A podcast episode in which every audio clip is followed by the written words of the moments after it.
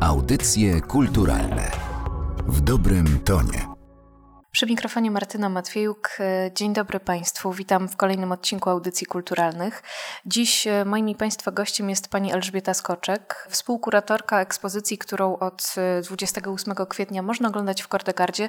Józef Czapski, dzieła z kolekcji prywatnych. Dzień dobry Pani. Dzień dobry. Zanim porozmawiamy o tych pracach, o tych obrazach i rysunkach, które znalazły się w Kordegardzie, to chciałabym zapytać o samą postać Józefa Czapskiego, bo to był artysta, który doświadczył, zdaje się, wszystkich możliwych okrucieństw XX wieku i zastanawiam się, w jaki sposób ten jego trudny życiorys odbija się w jego malarstwie, w jego rysunkach. W rysunkach na pewno odbija się ten okres, kiedy on przebywał w obozach sowieckich. Mieli Państwo tutaj w Kordegardzie wspaniałą wystawę, na której właśnie były prezentowane takie rysunki. Natomiast jeżeli chodzi o obrazy olejne, to o dziwo nie widzimy takich śladów. Kiedy w Paryżu była międzynarodowa konferencja na temat właśnie twórczości Józefa Czapskiego w 2000 2017 roku, to jedna z y, pani z historii sztuki próbowała znaleźć takie nawiązania do tego jego trudnego okresu bycia w obozach sowieckich oraz całego szlaku, który potem przeszedł z armią Andersa. Według mnie były to karkołomne takie próby znalezienia, definiowane jako używanie czerni, że czerń to właśnie tak odniesienie się do, do tego trudnego czasu. Ja tego nie widzę w obrazach. Tego właśnie okresu. Czapski generalnie nie malował obrazów, które nawiązują do historii. Jedyny obraz, który namalował ze zdjęcia, to jest obraz uwięzionych, nazywa się Polonia z 1982 roku. Jest na wystawie w pawilonie Józefa Czapskiego. Jest to jedyny obraz namalowany właśnie z lat 80 nawiązujący do tego, co się działo w Polsce, do osób, które były internowane. Natomiast obraz, który namalował po wydarzeniach na Węgrzech, zamalował, czyli jakieś ślady znajdują się jeszcze w wydawnictwie francuskim, e, to były rysunki, ale generalnie unikał takich tematów. Jego bardziej interesowało życie człowieka i tego, co się dzieje wokół człowieka. Można powiedzieć, że to był malarz nie teatru codzienności, bo to jest bardzo niedobre określenie, które zostało gdzieś tam uknute przez Muriel Ganibę, ponieważ teatr codzienności, jeżeli byśmy to tak nazwali, to odnosi się do tego, co się działo w teatrze w, we Francji. I tutaj teatrolodzy mogliby więcej na ten temat powiedzieć. To nie jest teatr codzienności, tylko to jest życie. Życie człowieka, jego codzienność. Niedawno w audycjach kulturalnych gościliśmy też panią Marię Wiernikowską, która w latach 80. pracowała u Józefa Czapskiego mm, w Maison Lafitte. I pani Maria Wiernikowska opowiadała o tym, jak Józef Czapski prosiłby przygotować pokój do malowania, to znaczy tubki z farbami zawsze musiały być ułożone w konkretnej kolejności, od bieli do czerni. Każdy kolor miał e, swoje miejsce. Ten kolor u Józefa Czapskiego jest, jest bardzo ważny. On wierzył w budowanie obrazu kolorem. Co ciekawe, też pod koniec swojego życia zaczął tracić wzrok i pod koniec praktycznie nie widział, a jednak nadal malował. To niesamowity artysta. Józef Czapski w ostatnim okresie swojego życia potrzebował pomocników i właśnie taką osobą była m.in. Maria Wiernikowska. Przez jego pokój na górze przewinęło się bardzo wiele osób. E, między innymi pani Katarzyna Skansberg, która napisała do katalogu wspaniały tekst i wspomnienie o tym, jak ona poznała Józefa Czapskiego. I właśnie ona przez chwilę była też taką pomocą dla niego. To były lata, końcówka lat 70., e, początek lat 80., kiedy oni się poznali, i właśnie przychodziła, podobnie jak pani Maria Wiernikowska, i czytała, pisała na maszynie listy do osób, bo już Józef Czapski właśnie zauważył, że coś nie tak jest z jego wzrokiem. I jak mówił mi Adam Zagajewski, Józef Czapski był takim człowiekiem, który ciągle wydawało mu się, że on za chwilę umrze, że on przecież jest tak stary, że już powinien umrzeć. Chociaż nie skarżył się na swoją starość, ale jak miał czas kryzysu, wtedy pisał dziennik. I właśnie te dzienniki, te zapisy są najciekawsze, bo wtedy właśnie, kiedy miał spadek formy, nie mógł za bardzo malować, bo właśnie wzrok nie pozwalał, to wtedy w swoim kajecie kreślił już większymi literami, co dla nas dzisiaj jest y, o wiele lepsze, bo możemy to odczytywać. Natomiast te wcześniejsze lata, kiedy on zapisywał w dzienniku swoje przemyślenia na temat malarstwa, na temat jego pracy jako artysty, są trudne, naprawdę trudne do odczytania, ale na szczęście e, mamy Janusza Nowaka, który od wielu, wielu lat odczytuje dzienniki Czapskiego razem ze swoją żoną Marią i dzięki temu docieramy do bardzo ciekawych informacji, czy to z życia Józefa Czapskiego, czy o dziwo także mamy bogaty materiał, który pozwala nam na zidentyfikowanie obrazów, ponieważ to bardzo jest e, charakterystyczne i niespotykane aż tak często u artystów, żeby prowadzić taki szczegółowy inwentarz dzieł. Między innymi, jeżeli chodzi o kolekcję, jedną z większych prywatnych kolekcji, która jest na co dzień pokazywana publiczności, czyli kolekcja markiza Michela Popiela de Boisgelin w Pałacu w Kurozwękach, to właśnie w tych dziennikach znajdujemy szczegółowe informacje związane właśnie z obrazami, które są obecne w tej kolekcji miniaturki, zapisy, wspaniałe rozwinięcia jego przemyśleń na temat położenia koloru. Nawet są informacje, że coś zamalował na tym obrazie. Także jeżeli chodzi o badaczy od strony badania konkretnego obrazu, to jeszcze bardzo wiele ciekawych rzeczy przed nami. W tekście kuratorskim do tej wystawy przywołuje Pani e, fragment e, wypowiedzi czy też listu Józefa Czapskiego, w którym pisze, że duża część jego prac znajduje się w rękach kolekcjonerów szwajcarskich i chciałabym zapytać też o ten wątek, jak w zasadzie do tego doszło? To była historia związana z tym, że Józef Czapski jako artysta,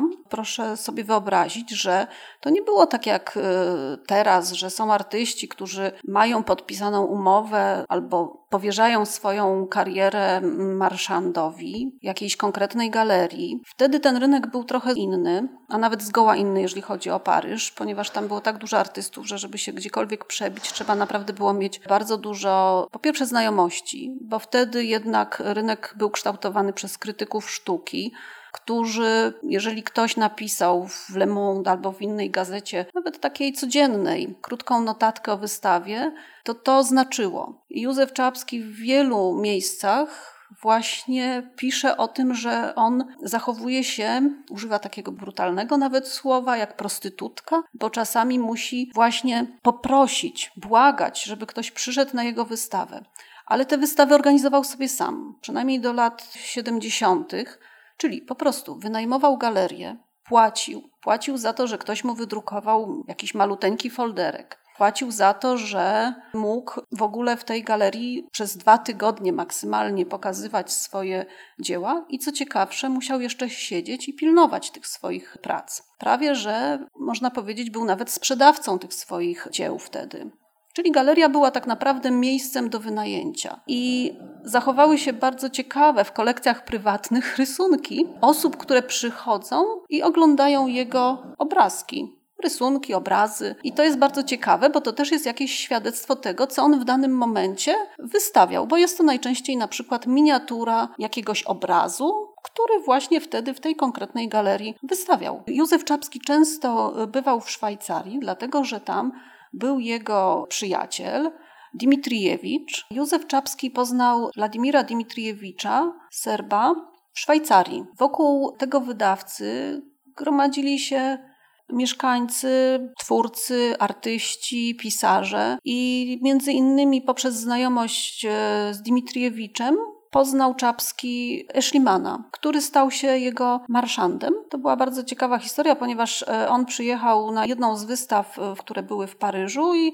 zauważył, że Józef Czapski wtedy niewiele sprzedał na tej wystawie. I tak mu się zrobiło żal tego wspaniałego człowieka, Polaka, i stwierdził, że, że on zajmie się jego twórczością, stworzy galerię, będzie pokazywał w Szwajcarii jego rysunki i obrazy. I ufundował mu skromne stypendium, wtedy Czapskiemu i dzięki temu, jak wspomina Czapski, on mógł sam zająć się malowaniem i rysowaniem, a Eszliman zajął się sprzedawaniem. No oczywiście na początku wydawało się, że to jest niemożliwe. Trudności były, w każdym razie tak Eszliman wspomina, natomiast potem się okazało, że bardzo dużo osób, które zafascynowane były bardziej postacią Józefa Czapskiego niż może jego malarstwem, kupowało te dzieła. I tak, między innymi też sam e, marszant, każdy obraz prawie, który Czapski namalował, brał do siebie do Szwajcarii do sprzedaży. Co nie sprzedał, zostawało u niego w galerii. No i dlatego też tam jest największa kolekcja, ale też oczywiście inne osoby właśnie z kręgu wydawcy Dimitriewicza kupowało obrazy i właśnie tam się znajdują te obrazy. Troszkę rozproszone, ale do zidentyfikowania i do opisania. Wiele z tych prac, które prezentowane są teraz w Kortegardzie, po raz pierwszy pokazywane jest y, publicznie. Jest tutaj też kilka obrazów naprawdę szczególnych. W jednym z y, wywiadów, których udzielił Józef Czapski pod koniec lat 80. dla telewizji polskiej na potrzeby filmu dokumentalnego Józef Czapski Świadek historii, artysta mówi o tym, że okres międzywojenny to był jedyny szczęśliwy dla niego czas w życiu. I z tego okresu bardzo mało prac y, się zachowało, ale jedna taka jest również do zobaczenia w Kortegardzie. Ten szczęśliwy okres to podejrzewam, że Józef Czapski mówił o tym okresie warszawskim, kiedy rzeczywiście miał pracownię na Filtrowej, Mieszkał w Józefowie. Dużo czasu spędzał w Warszawie właśnie. Czasami wyjeżdżał do Paryża jeszcze i do Krakowa i do innych miejscowości, ale tak rzeczywiście ten okres warszawski wspomina jako czas szczęśliwości. Na pewno nie wspomina jako czasu szczęśliwości swojego pobytu w Paryżu, gdzie powiedział również w jednym z wywiadów, że wtedy z kapistami głodowali. W związku z tym, nawet kiedy był w Piotrogrodzie, to nie było tak ciężko jak właśnie w okresie tym paryskim. Na wystawie pokazujemy obraz szczególny, ponieważ jest to obraz z 1922 roku, namalowany w Zakopanem, który został podarowany Dadejowej. Dadejowa to żona znamienitego tego lekarza zakopanego, który zginął w Katyniu.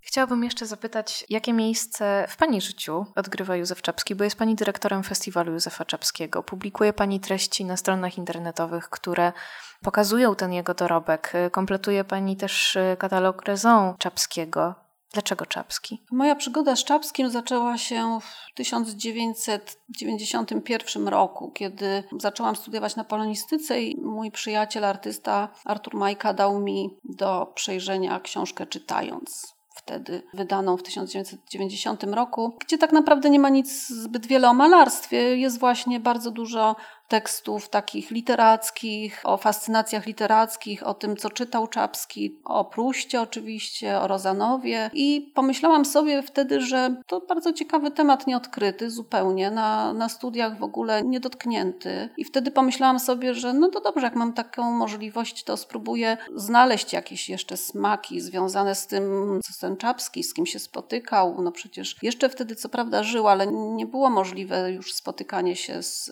z nim. I pamiętam, jak przedstawiłam temat pracy magisterskiej mojemu promotorowi, który oczywiście bez entuzjazmu podszedł do tego tematu, dlatego że to był człowiek, który kiedyś publikował w Kuźnicy, w związku z tym to były te czasy, kiedy już oczywiście Czapski nie był na indeksie, ale no dobrze, proszę pisać. Wtedy pojechałam w 95 roku do Paryża, spróbując poszukiwać śladów. Spotkałam się z kilkoma osobami, które właśnie znały Czapskiego, opowiedziały mi kilka ciekawych historyjek, anegdot i wtedy nie pojechałam do kultury. I tak sobie z perspektywy czasu myślę, że dobrze, że nie pojechałam wtedy do kultury, dlatego że miałabym taki obraz Czapskiego, który zostałby przedstawiony mi przez osoby, które go znały, ale które nie do końca by mi opowiedziały o nim tak, jak ja bym teraz chciała, żeby mi o nim opowiedziano, ponieważ jest bardzo dużo ciekawych zapisów nieodkrytych, które pokazują całe spektrum jego życia w siedzibie paryskiej kultury. I tak zaczęła się moja przygoda z Czapskim. Potem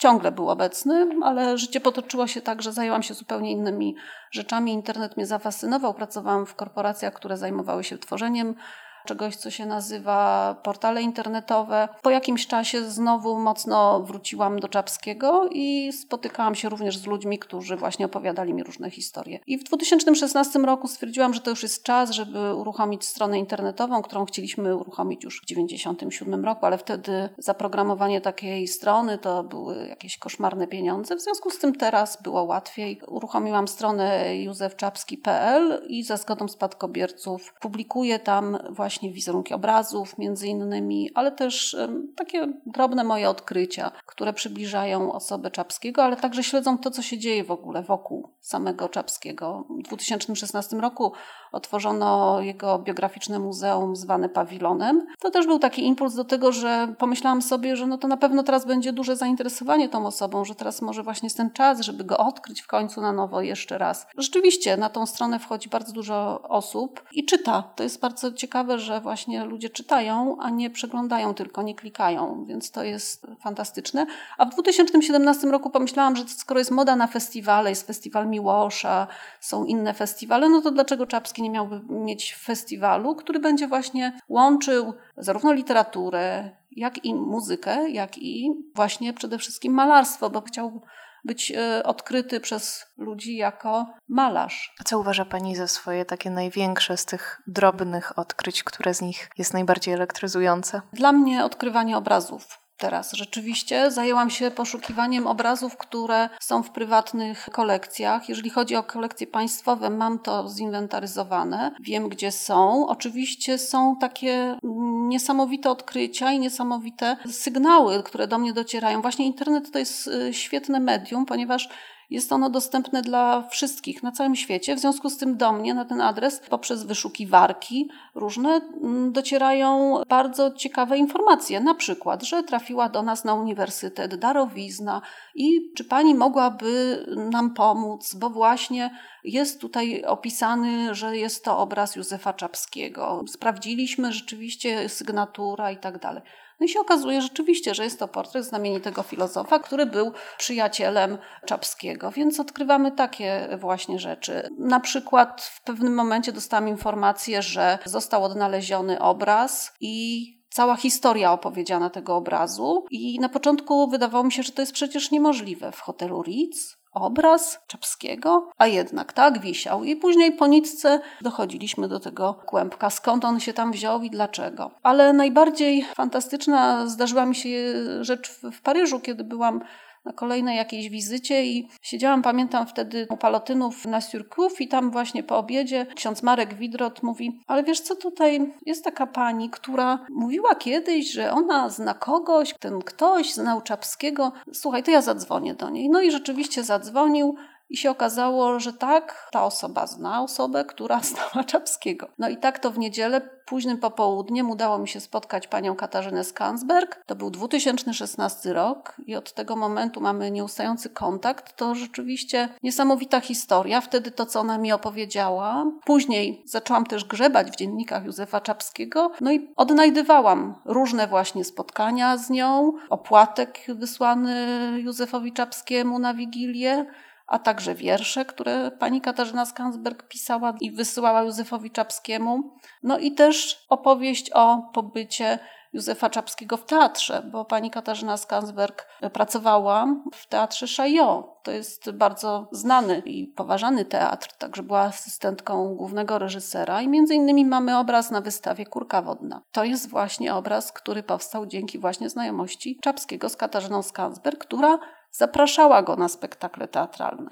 Właśnie chciałam powrócić do, do tego miejsca na tę wystawę i zapytać, dlaczego warto odwiedzić Kordegardę i zobaczyć e, tę pracę na żywo? To chyba jedyna możliwość, żeby Państwo mogli zobaczyć te obrazy, które na co dzień wiszą w prywatnych domach. To trudno jest przekonać właścicieli, żeby pokazali obrazy, żeby dali na wystawę, bo to zawsze wiąże się z ryzykiem, tak? Dla nich to są bardzo cenne i często emocjonalne przedmioty, które mają jakąś historię, które są związane z ich życiem bo akurat te obrazy, które Państwo tutaj widzą, to każdy z nich ma historię, czy to historię oczywiście powstania, którą możemy śledzić poprzez dzienniki Czapskiego, ale ma też historię, która jest związana z, faktem, że dany obraz znalazł się u kogoś konkretnego w domu. Oczywiście są kolekcjonerzy, którzy tworzą swoją kolekcję w sposób świadomy, dobierając odpowiednie dzieła, ale są też osoby, które na przykład dostały obraz od Józefa Czapskiego. Jest to związane z pewnym wydarzeniem w ich życiu, a także są obrazy, które dotarły do właścicieli poprzez inne osoby, które dostały od Czapskiego obraz, ale które później postanowiły, że podarują to innej osobie, po to na przykład, żeby ten obraz nie zaginął. Bo na przykład ktoś nie miał dzieci, albo miał dzieci i te osoby w ogóle się nie interesowały tym dorobkiem, tym malarzem. Najgorszą rzeczą, jaka może się zdarzyć teraz, to jest to, że na przykład są obrazy, ja o tym wiem, że są obrazy u osób, które są już bardzo wiekowe, które nie mają spadkobierców i które nie potrafią też zdecydować, co z tym zrobić. Teraz takim naturalnym miejscem, gdzie powinny trafiać te obrazy, to jest pawilon Józefa Czapskiego w Krakowie. Ale jakoś tak bywa, że zawsze jest za mało miejsca dla Józefa Czapskiego. Mieszkał w niewielkim pokoju, w dużej willi, ale w małym pokoju na górce a teraz ma muzeum biograficzne, pięknie zrobioną część tą biograficzną, historyczną, łącznie ze zrekonstruowanym pokojem jeden do jeden, gdzie możemy wejść i się zdziwić, że dwumetrowy mężczyzna musiał mieszkać i pracować i przyjmować gości właśnie w tym niewielkim pokoiku. No i mamy na pierwszym piętrze salę ekspozycyjną, która jest niewielka. Maksymalnie 30 obrazów można tam powiesić. W związku z tym te obrazy tam ciągle nie wiszą, bo też są wystawy innych twórców. Tak naprawdę, to nie wiem, może trzeba zbudować kolejne muzeum, gdzie będzie pokazane tylko i wyłącznie malarstwo Józefa Czapskiego, na którym tak bardzo mu zależało. Także bardzo się cieszę, że udało się zorganizować w Kordegardzie tą wystawę, gdzie możemy znowu zobaczyć kolejne dzieła Józefa Czapskiego. Ponad 20 obrazów, które nie były pokazywane publiczności. Są obrazy z tej największej kolekcji prywatnej, która jest na co dzień dostępna w Kurozwękach. Trzy obrazy według mnie najlepsze w tej kolekcji oraz obrazy z kolekcji Krzysztofa Musiała, bo też są najlepsze. A reszta to są obrazy, które rzeczywiście są warte zobaczenia poprzez to, że pokazują kolejne etapy pracy twórczej Józefa Czapskiego. Jest taki kącik, gdzie mogą właśnie Państwo zobaczyć te ostatnie obrazy, czyli lata 80. Ostatni obraz, najmłodszy obraz, czyli z 1989 roku, o którym piszemy w katalogu i który ma też e, niesamowitą historię, bo, sam Czapski pisze o tym obrazie do Janusza Marciniaka. Do 5 czerwca dzieła z kolekcji prywatnych, dzieła Józefa Czapskiego mogą Państwo zobaczyć w Kordegardzie. Dziś o tej ekspozycji opowiadała jedna z kuratorek, pani Elżbieta Skoczek. Bardzo dziękuję. Dziękuję bardzo i serdecznie Państwa zapraszam. Audycje kulturalne w dobrym tonie.